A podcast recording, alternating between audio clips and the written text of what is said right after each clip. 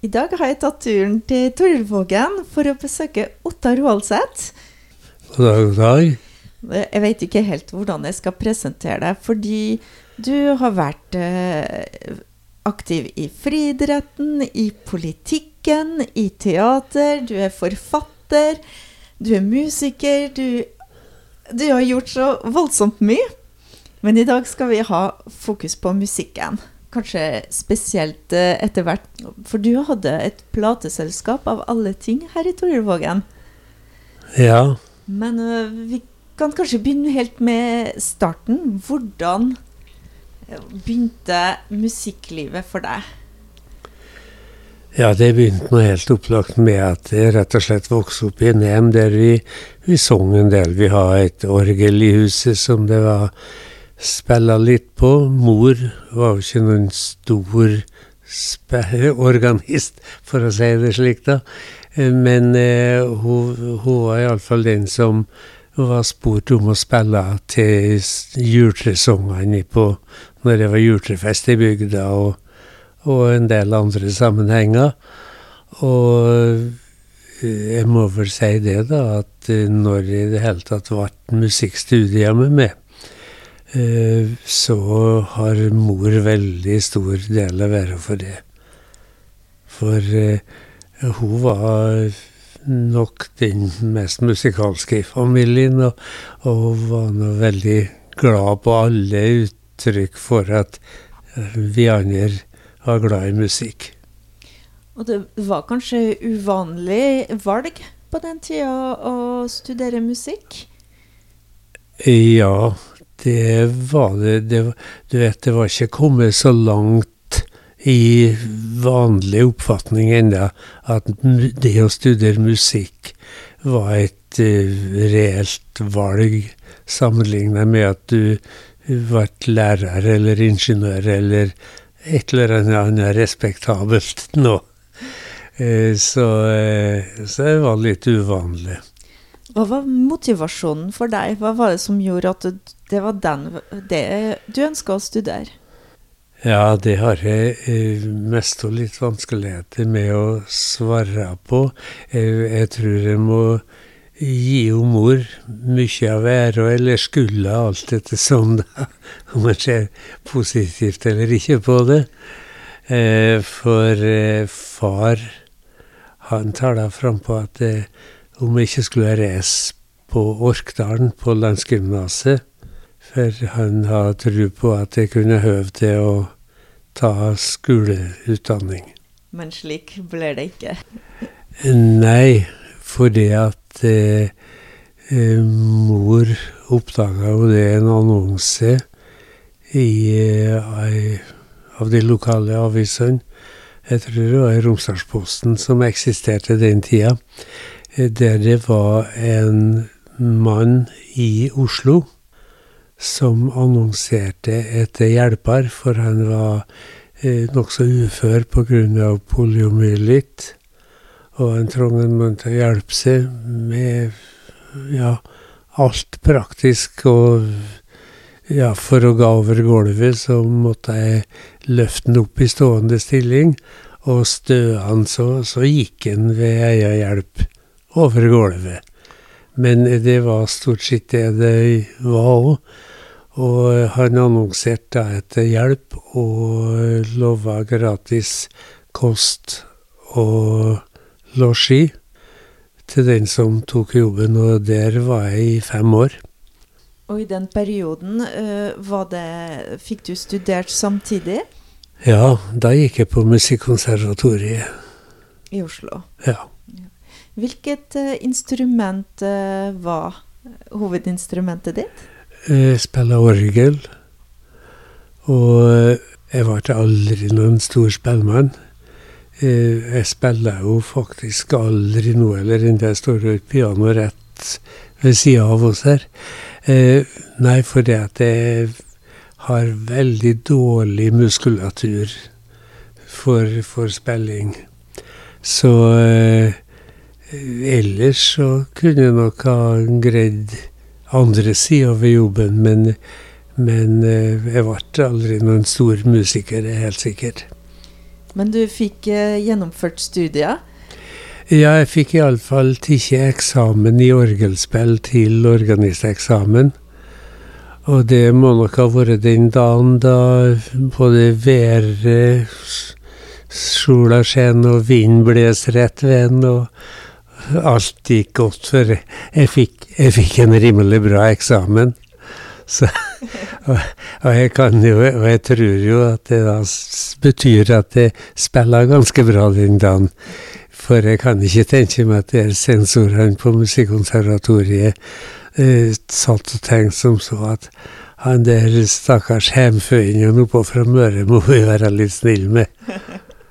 du må da være litt dyktig lell.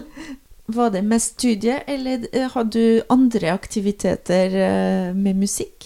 Hadde du, spilte du noen gang i noe band eller uh, orkester?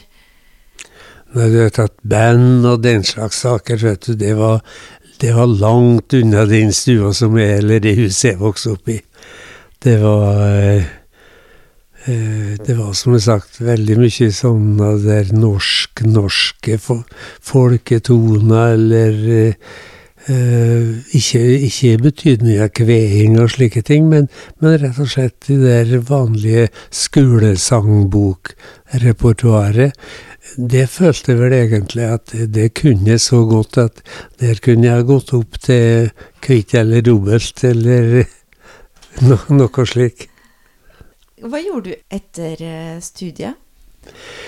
Ja, du vet at etter jeg tok vel eksamen i orgelspill, det var vel høsten 55, og, og da begynte jeg på jordbruksskole på, på nyåret. Uh, og uh, jordbruksskoleopplegget den tida var slik at det fælt kalenderåret. Og da la du musikken på hylla, eller? Ja. Du, ja. ja. Men så begynner man å se, jeg vet ikke om det er riktig, men uh, kanskje det, du tok det opp at tidligere enn det, men jeg ser at på midten av 70-tallet ja. så begynner navnet ditt å dukke opp her og der.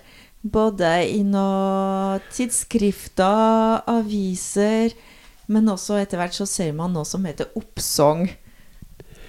Ja. Hva eh, skjedde? jo, eh, jeg var jo opptatt til det der at uh, vi kan ha det trivelig hvis vi sitter i hver vår krå eller hver vår stue og holder på med musikk. Og, og, jeg visste jo at det var mye dyktige folk omkring her som gjerne fortjente å bli presentert for et større publikum. Eh, og, og ettersom ikke noen annen så ut til å ta jobben med gjøre noe med dem, så, så, tenkte jeg at da, da prøver vi å lage et plateselskap. Og da, Var du alene, eller var det ikke flere om deg? Uh, nei, jeg må si at det var et enmannstiltak. Bortsett fra at jeg har veldig god hjelp av Herborg, da. Som er din kone? Ja. Uh, hun er veldig musikkinteressert. Og uh, helt klart mer musikalsk enn kallen sin. Så, så, så det var ei grei og god støtte. Og det begynte Uh, det var i 76, stemmer det? Da var ja. det første utgivelsen. Hvordan starter man et plateselskap? Særlig på den tida. Uh, tenker jeg bare en tur uh, fra Kristiansund til Torjulvågen var et sånt stort prosjekt. Ja. Var det ikke det? Og kommunikasjonen var ikke så enkelt. Og ja, nei, men eh, det var egentlig ikke noe problem. Eh, spørsmålet var bare om å ha motet til å hive seg uti det, det. Og skaffe seg finansiering, slik at han kom i gang. Og, eh, og ellers så er det nok mange som oppfatta det litt feil, det der med drift av et plateselskap, da, for det var nok så, mange som lurte på Eh, hvor har de studioet hen? Og hvor er de opptakene? Men, men det, det, var jo ikke noe som vi har her i Tylvågen. Eh, vi var faktisk og, og så litt på skolen på Yl, for den var nedlagt som skole. Og, og det gikk rykte om at bygninga ville bli til salgs. Og da var vi ikke det var ikke noe så veldig seriøst tenkt, da, men vi var innom tanken om å kanskje se på den, med tanke på å skaffe oss hus for et studio. Men eh, det ble det ikke noe av, gudskjelov. Og så, uh, så i stedet så ledde vi da studiokapasitet eh, på forskjellige plasser. Det tror jeg nå iallfall var ei fornuftig beslutning, for det at eh, investering i et skikkelig studio, den ville bli veldig stor. Og eh, det var ikke sjans for å finansiere en slik investering med plateutgivelser når en holdt seg til lokal musikk. Hvor, hvor trykte dere eh, selve platene? Jo, det skjedde i Oslo. Ja, eh, det gjorde vi via et firma som heter ja, nå husker jeg det meste ikke men Sound and Electro Systems var det vel det het.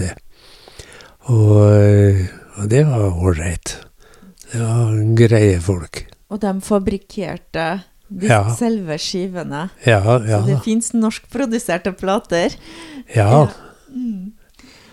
Du snakker om finansiering. Hvor, hvor, fant dere støtte? Var det mest eh, egen, eh, egne spart, oppsparte midler, eller fikk dere sponsorer? Nei, du vet at eh en anerkjent lite økonomisk anlagt person. Så, så noe sånn særlig jakt på sponsorer og slikt, det drev vi ikke. Nei, vi starta rett og slett med det vi måtte ha å trekke på kontoen vår sjøl, pluss at vi lånte penger. Ja. de måtte jo i sin tur betales tilbake igjen. Og da kom første plata i 76. Og det var en samleplate. Ja. Hvordan foregikk det? Jo, det foregikk jo på den måten da at vi fikk eh, eh ordna oss med Vi fikk rett og slett en avtale med NRK. Jeg har jo da levert stoff til NRK ei stund, til en del programposter de har, og, så, som løsarbeider. Og eh, vi fikk da avtale, så vi fikk hjelp av teknikere fra NRK, som tok jobben på fritida si, og, og var med og gjorde opptaket.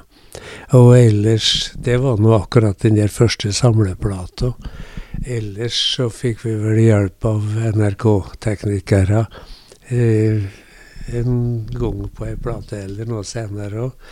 Men for øvrig så gikk vi jo da over på å leie eh, studio i Trondheim. Du har samarbeidet i NRK en, en, stund i forkant. Hvordan startet det? Jo, det har seg rett og slett slik at eh, det måtte det har vært sommeren 68, vet du da var jeg i Oslo og har studert og skulle ha med sommerjobb. Og hva slags sommerjobb? Jeg kunne jo reise hjem og arbeide på gården. Men eh, det var jo artig å finne på noe mer spennende. Så jeg gikk opp i Dagsrevyen på NRK og sa det at eh, her kommer det en potensiell medarbeider så eh, jeg kunne tenke meg jobber iallfall over sommeren. Det, det førte til jobb.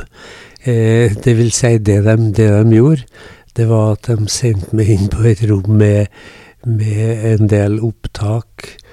Eh, blant annet fra noen studentopptøyer som har vært i Tokyo. Og, og, det var et ganske langt innslag. Og så ga de det på en skjerm, da. Og så fikk jeg beskjed om at det skulle redigeres ned til jeg tror det var to og et halvt minutt eller noe slik. Det, og, og, legges på tekst som høvt i forhold til den nye lengda. Eh, ja. Og, og, da var det å sette seg ned og sitte med stoppklokka der og, og, og ta tida på forskjellige replikker videre, og, og forestille seg hvordan det skulle jeg sette sammen for å få det til å bli brukbart. Og så ble det ble det godkjent. Altså det, og da, da har jeg jobb på det der nokså lause grunnlaget der. Kasta rett uti det? ja da, jeg ble, sendt på jobb nærmest dagen etterpå, skulle jeg til å si. Eh, det, det, meste gikk egentlig ganske greit. Sånn er så en gang. Og, og det, det, du skapte relasjoner som du fikk eh, bruk for senere i musikksammenheng. Ja, det òg. Vi snakka om første plata til, eh, til eh, Oppsong. Ja. Oppsong fra nordmøringa. Og husker du hvem som var med på den første plata? Ja, det husker jeg rimelig bra. Det var nå for det første en uh, veldig habil felespiller, folkemusiker, som het Ola Galseth. Han var nå her fra bygda. Og en dyktig og musikalsk mann på fela. Eh, og så var det Eva Peggy Stensønes fra Smøla var med på den. Og så var Hørkelgarden med der. Og så var vel et innslag med Torjulvågen Sanglag, som sang, og der er det da en sammenheng. De sang Eh, en nordmørssang som Kristian Christian Halse skrev og eh, komponerte. Det heter 'Oppsang for nordmøringa'. Og, og da tok vi det og bruka det som navn på plateselskapet òg. Du nevnte Hørkelgaddan. Den var nummer to. Det var den andre skiva du ga ut? Ja, stemmer. Da ga, ga vi ut, men da var det ei plate bare med Hørkelgadden, hele den. Mm. Og Det ble til og med to etter hvert? Ja, med Hørkelgarden. Ja, det ble det. Og vi fikk jo Spellemannspris for uh, den ene av dem. Så det, det var vellykka samarbeid, og det var en, eh, en dyktig gjeng. Hvordan gikk du fram etter hvert, når du hadde fått gitt ut den første plata? Var det du som tok kontakt med artistene, eller var det dem som kom i kontakt med deg og spurte om kan du hjelpe oss å lage plate? Ja, det skjedde vel litt begge veier.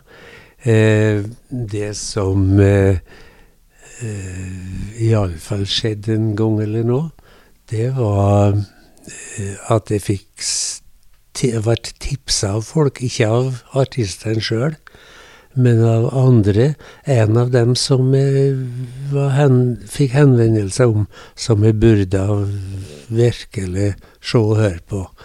Og, og det var elg. Og, og, jeg fikk sendt et opptak med han, og det var ja, nokså langt unna det han vi kjenner, slik som vi kjenner han nå, da. Det var en litt var, stemningsfull ja, folketone eller noe. Ja, jeg greier jo ikke huset om husk på det er 40-50 år siden. Det, så uh, ja. Men det, vi fikk en del henvendelser av den typen. Mm. Ellers så var det nok vi sjøl som tok kontakt med forskjellige. Når du fikk kontakt med, eller du ble tipsa om uh, elg, tok du kontakt med han? For det, det ble ikke noe skive? Nei, det ble ikke det. Mm. Uh, jeg vet egentlig ikke hvorfor det ikke ble. Nei, altså, det var jo noen som var veldig ivrig på hans vegne, da. Opplagt. Eh, og, og, men, men, jeg vet ikke om i det hele tatt oppnådde kontakt med elg sjøl. Mm. Var det noen som var overraska, eller som du måtte jobbe litt for å overbevise om å, om å være med? Eller var de fleste positive og ble med? Ja, nei, det var så vidt jeg kan huske. Hukommelsen begynner å bli litt skral på enkelte punkt. Men så vidt jeg kan huske, så var det positivt, det. Hvis du kom, og særlig når jeg kunne vise til at jeg har gitt ut en par plater og, og slik så Da skjønte jo folk at vi gjorde skikkelig arbeid. Og, og da Nei, det var ikke problem å få noen til å bli med. Problemet var å greie å tjene penger. Hva er jobben til et plateselskap? Hva var rollen din? Den var nå da, i og med at det var nærmest et enmannsforetakende, eller eh, en mann pluss kjerringsforetakende. Må ikke glemme at hun var, var viktig at hun var med. Eh, så var det nå da stort sett alt mulig fra å fra du starta apparaten med en artist som du kunne tenkt deg å lage plate med, og, og, eh, og følge opp det da med å få ordna med studio, leie inn studio, ordna teknikere, og sørga for å redigere masterbandet og få laga og ja. Coveret? Ja, coveret, ja. Det var de tingene som eh, volda en del hauger. Hva var fordelinga, er det lov å spørre, når du solgte en plate? Hvor mye gikk til artisten, hvor mye gikk til dere? Husker du det? Det tør jeg ikke å ta på sparket, så nei, da, da litt jeg begynner å lete i papir, ja. Eh, det som eh, er helt klart, det at eh, det kun kanskje, hvis jeg, hvis jeg eller vi har vært dyktigere, både på markedsføring og på eh, fotplate plate og bruker og så videre, eh, så har nok det eh, ha betydd en god del for økonomien. Men eh, det ble for lite penger i det, og eh, vi, vi var jo for dårlig eh, oppdatert på hva markedsføringa en kunne gjøre òg. Eh, for du vet det at med, med det budsjettet vi har, da, så vet du det at da var bare det å reise en tur til Oslo og være rundt og opp i kringkastingen med platene og prøve å eh, få dem til å bli bruka. For, for det var jo litt viktig. Nei, jeg kan si lite akkurat på den sida. Men det er klart at vi gjorde jo forskjellige tiltak på eh, For så tidlig som på den tida, så fantes det jo platebutikker. De er jo vel stort sett bort, de fleste. Eh, og, og litt sånn stær samvirkelagsgreier rundt omkring i bygdene. Har kanskje en ei platemusikkavdeling og slik. Og eh, en gang, da fikk vi laga av noen dyktige folk en, eh, syns vi nå da, da, en, en flott rosemåla dall. Eh, og som vi da kjærer ut reklame på at den platebutikken som greide å selge flest eksemplar av den og den plata, de fikk den sendt. Og eh, om det førte til noe så veldig stort, ja, det tviler jeg nå på. Hvor havnet eh, den eh, rosemalte dalen? Oppe i Trøndelag en plass. Ja. Husker du hvilken plate som var eh, Som ble din bestselger? Det var vel nede på den der første oppsang for nordmøringer. Hvilket opplag? Hvor mange skiver Ja, var det det? husker ikke, men det var ikke Det, det dreide seg ikke om tusener på tusener her. Jeg, jeg, jeg vil tro at eh, første opplaget på, på, på disse platene lå på området 1000 til en par tusen eller noe. Og du nå hele, så var det noe kjempebutikk, men, men det gjorde vi nå ikke. Du snakka i stad om at uh, Hørkelgaddene de fikk uh, Spellemannprisen i 1981. Ja. Merka du noe forskjell før og etter? eh, I forhold til salg og, og interesse for plateselskapet? Jeg vet ikke om jeg merka så særlig eh, mye på salget, men, men jeg merka det en del på måten de omtaler oppsang på, Og, og, på den måten folk omtaler Hørkelgarden på. Eh, noe særlig penger ble det ikke av det, men det, det, det bedra statusen litt. Grann. Jeg hørte altså, det, det, det, Hvis vi ser, du har jo hatt 14 utgivelser ja. i, i, det plateselskapet mellom 76 og 97, var siste. Er det noe høydepunkt eller noe artig historie som du overhodet ikke glemmer? Uh? Ja, det kunne jo være mange, det, tror jeg. Eh, det var, det var jo eh, Det var mye artige folk som var innom i den forbindelsen der. Og eh, Jo da. Men, men når det gjelder sånne enkelthendinger, så, så må jeg jo si at det var nå vel kanskje på den der Det opplevde en vel mest når en var nybegynner. For at da skulle mindre til for at du liksom skvatt og liksom Hva skjedde nå? Og det var vel allerede på den der første vi laga der, eh, da vi drev og spilla Og jeg lurer på om det ikke var en eh, melodi til en Haltvik til, fra Angviken, eller der vi folke tone, da, som midt under innspillinga så sprang strenden på fela til Helge Husby.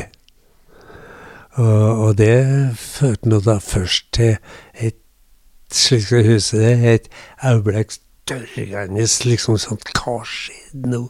Og så kom skravlet, liksom. Uff da. Ja.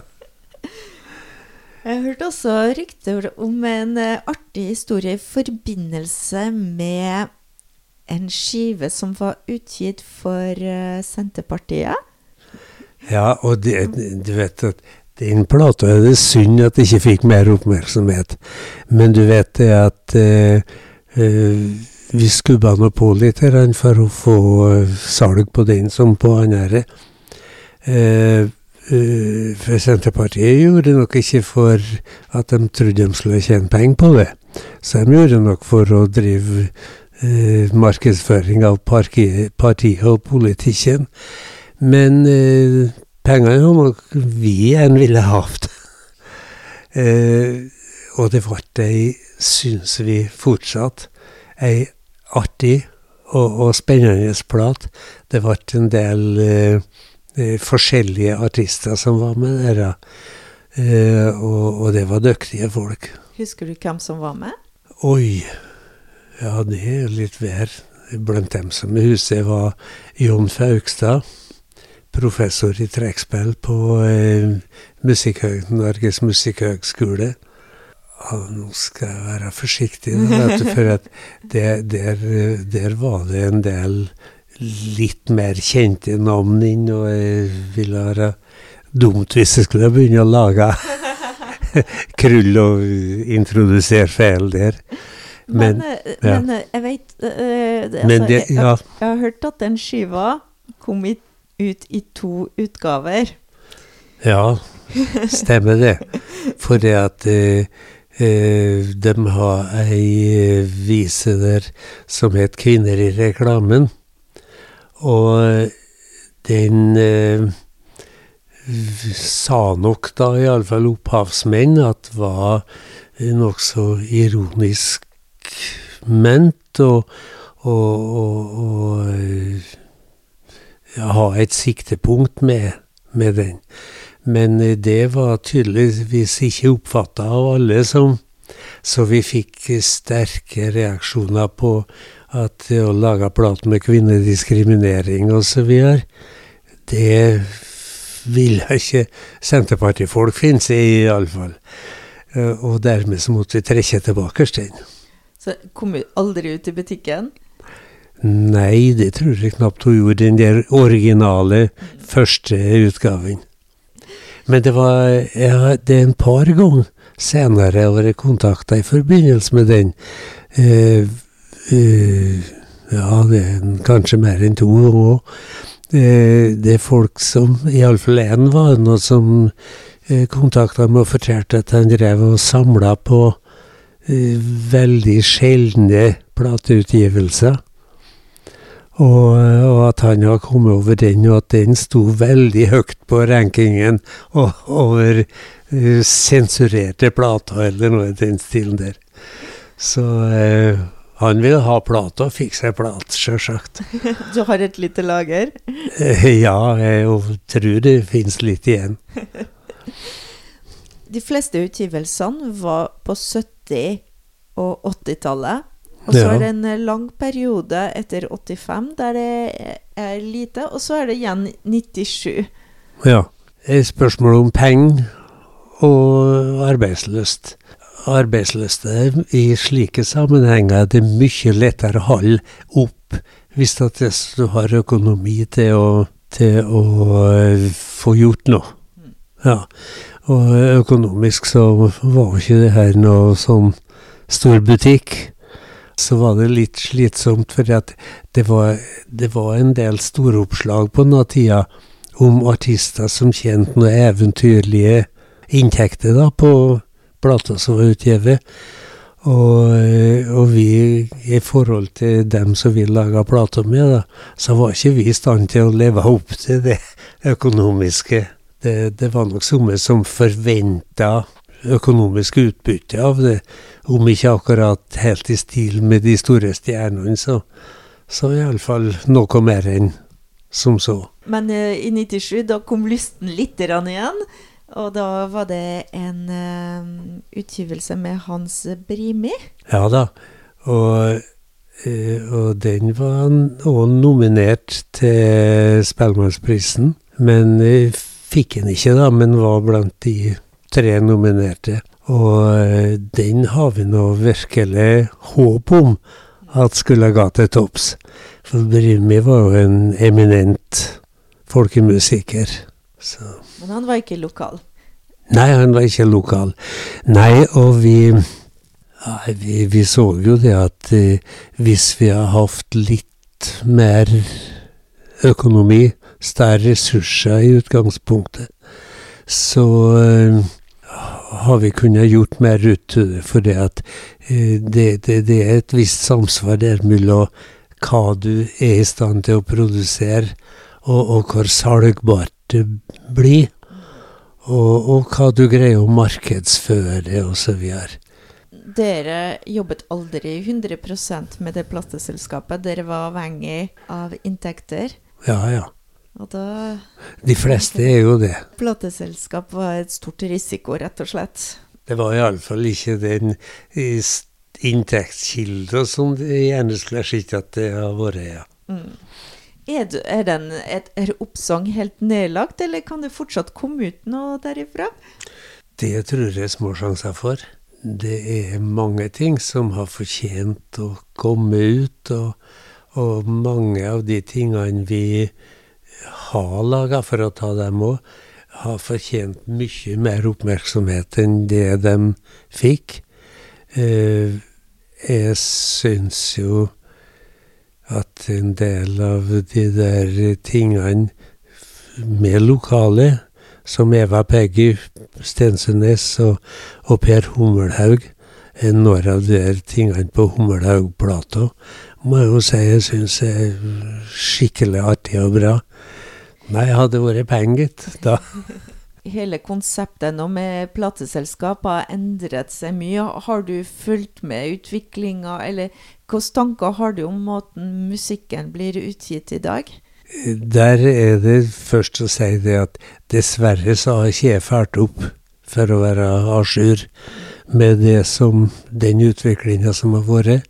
Eh, det gjelder, og det gjelder nok flere enn meg i min aldersgruppe, at vi sitter og og sjøl om vi i utgangspunktet, som av oss kanskje trodde at vi var ganske dyktige, så oppdaga vi bare det at vi sitter og kjører gammel bil i, i, i 40 km, mens racerbilene fyker forbi oss.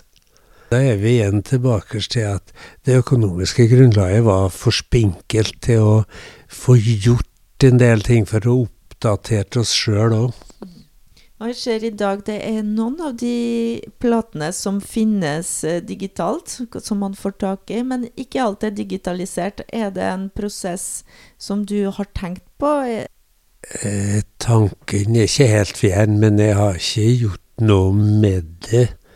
For eh, det, har, det har vært litt for manglende tiltak på det.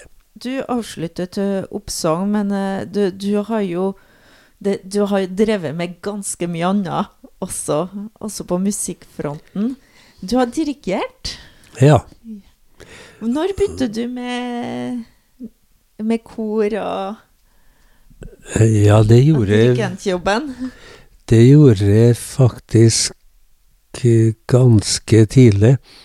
Eh, eh, og nå greier jeg ikke å tidfeste det så nøye, men eh, Eh, det dukka opp en eh, lapp på konservatoriet, så det var, det, det var med jeg var ennå i sånn 27-29-årsalderen. Det dukka opp en lapp om at det var et kor som trong dirigent. Og jeg var nå Jeg har vel kanskje da vært opp til eksamen på i, i kordirigering på konservatoriet òg. Og det som er, litt rart, da, det er jo det at jeg fikk ikke noe sånn overlags til, til, til eksamen. Det var dårlig vær den dagen. Må? Det var dårlig vær den dagen. ja, det du skjønner det at jeg, jeg hadde glemt av hele eksamen. Og, men, men jeg, jeg, var jo innom konservatoriet uansett hver dag, så da det var så at jeg kom ruslende nedover Nordahl Bruns gate og, og, skulle på og tenkte meg inn og øve litt orgel, regner jeg med.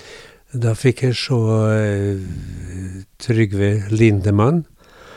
Uh, så var ute i porten der, litt oppskjørta og, og, så ut som han var en travel mann. Og så sa han, 'Kjem du nå', ja, sa han. Det var jo litt så flauset, det, da. Når du skal opp til eksamen på konservatoriet, ikke huske det. Men eh, nei da. Koret som jeg skulle dirigere, og som har innøvd de der tingene, de var permittert. Så eh, Men eh, de syns Lindemann syntes at det var for ille at jeg ikke skulle få tatt eksamen. Og dermed så har han ståka rundt omkring på konservatoriet og plukka til lærere og sånt fra, fra forskjellige avdelinger, og stabla på føttene et kor av det. Så jeg fikk ga opp til eksamen. Og, eh, og mens den der eh, eksamen som jeg fikk på orgelspill, kunne jeg tyde på at jeg faktisk kunne spille orgel. Eh, og det var ganske urettferdig. Så, så, så eh, fikk jeg en heller laber eksamen i kordirigering. Der tror jeg jo egentlig at jeg kanskje har kunnet vært bedre om må være ombytta, de to karakterene. Og du har dirigert siden? Ja, de fleste åra siden da, ja. Og det der var jo da på Ja. Det måtte snart være på slutten av 50-tallet. Så det begynner å bli lang tid. Jeg hørte at du hadde samarbeid med radioen og med operaen i Kristiansund, stemmer det? Ja, da vet jeg ikke hva det har vært tenkt på, men jeg, jeg var jo med og sang en del, sang en del roller ved operaen i Kristiansund. Og det var jo fryktelig artig. Eh, eh, det starta med at i 73 så ble det spurt om jeg kunne tenke meg å ta rollen som eh, Huff da, må huske om jeg sier rollen en gang. Eh, I eh, Den glade enke. For i Den, den glade enke, da er det han grev Danillo som enda opp med å være liksom kjæresten hennes. Men det var alle som gjerne ville ha tak i enka. Og jeg og så Paul Kjønnø, kristiansunder, som senere ble ansatt på Operaen, Eh, vi spilla da to sånn forgjevespeilere som liksom drev og oppvarta Den glade enke uten noe stor suksess. Så det var første, det var første rollen, og så senere så sang jeg en når til. Eh, blant annet eh, baron d'Aubigny, tror jeg det var, fra La Traviata. Og så var iallfall major Wangenheim i, i Tigerstudenten. Eh, men det var de av oppsetningene som jeg ble med på i tur og orden. Eh, jeg har vel i og for seg godt kunne tenkt meg å være med på mer. Men så det som kom året etterpå der, det var Flaggermusen. Og den har jeg nok gjerne ville vært med på. Men jeg ble spurt om jeg kunne ta rollen som fengselsvokteren der. Hvis du har sett Flaggermusen, så, så, så, kjenner du den. Nå har jeg ikke vært så veldig redd om det noen gang da, for å gjøre ting. Sjøl om jeg kunne risikere å dumme ut eller noe. Men jeg hadde sjøl sett Jonas Brunvoll eh, i rollen som denne fengselsvokteren. Og han var glitrende god. Han var skikkelig god. Og, og jeg visste med meg sjøl at eh, du er ikke noen komiker. Nei. Altså, du, altså den rollen, det, det, var ikke spørsmål om å synge der. Det var det spørsmål om å være en god komiker. Og, og, og, og dessverre, det følte meg ikke Nei, jeg følte meg ikke i stand til å ta det. Så det takka jeg nei til, og, det et slutt med det, da. Pleier du å dra på operaen som publikum? Ja, ja. Det... Syns du Er operaen i Kristiansund viktig i dine øyne? Altså, hva er det operaen bidrar med eh, i vår region? Jo, jeg syns det er viktig at vi har operaen der, det at Eh, vi må komme bort fra at opera, det er bare i Oslo. Vi, vi, opera, det må vi kunne greie å overbevise mye større del av befolkningen om at det er egentlig en fenomenal opplevelse, hvis at det er sånn at du får, får det til bra. Eh, så og, det er klart det at det er jo folk som har delt ikke i operaen, som har gått videre. Og, og, det håper jeg at det kan virke til mer for framtida. At folk kanskje ser på den muligheten at kanskje jeg skal prøve jeg får meg en rolle på og se det som et springbrett til å gå videre. Du synger som eh, vi fikk etablert nå. Du er ikke bare dirigent. Men eh, dirigerer du den dag i dag? Nei. Jeg dirigerte eh, Sunndalskoret det siste. Og det var en usedvanlig trivelig gjeng folk. Og eh, det mest musikalske koret jeg har vært borti, tror jeg. Var, var skikkelig det var, var veldig mye bra å si om dem i dag, har du noen musikkprosjekter? Eller har du Er du mest lytter, eller er du aktiv i noen prosjekter? Ja, nei, jeg må dessverre si at det er dårlig med aktiviteten.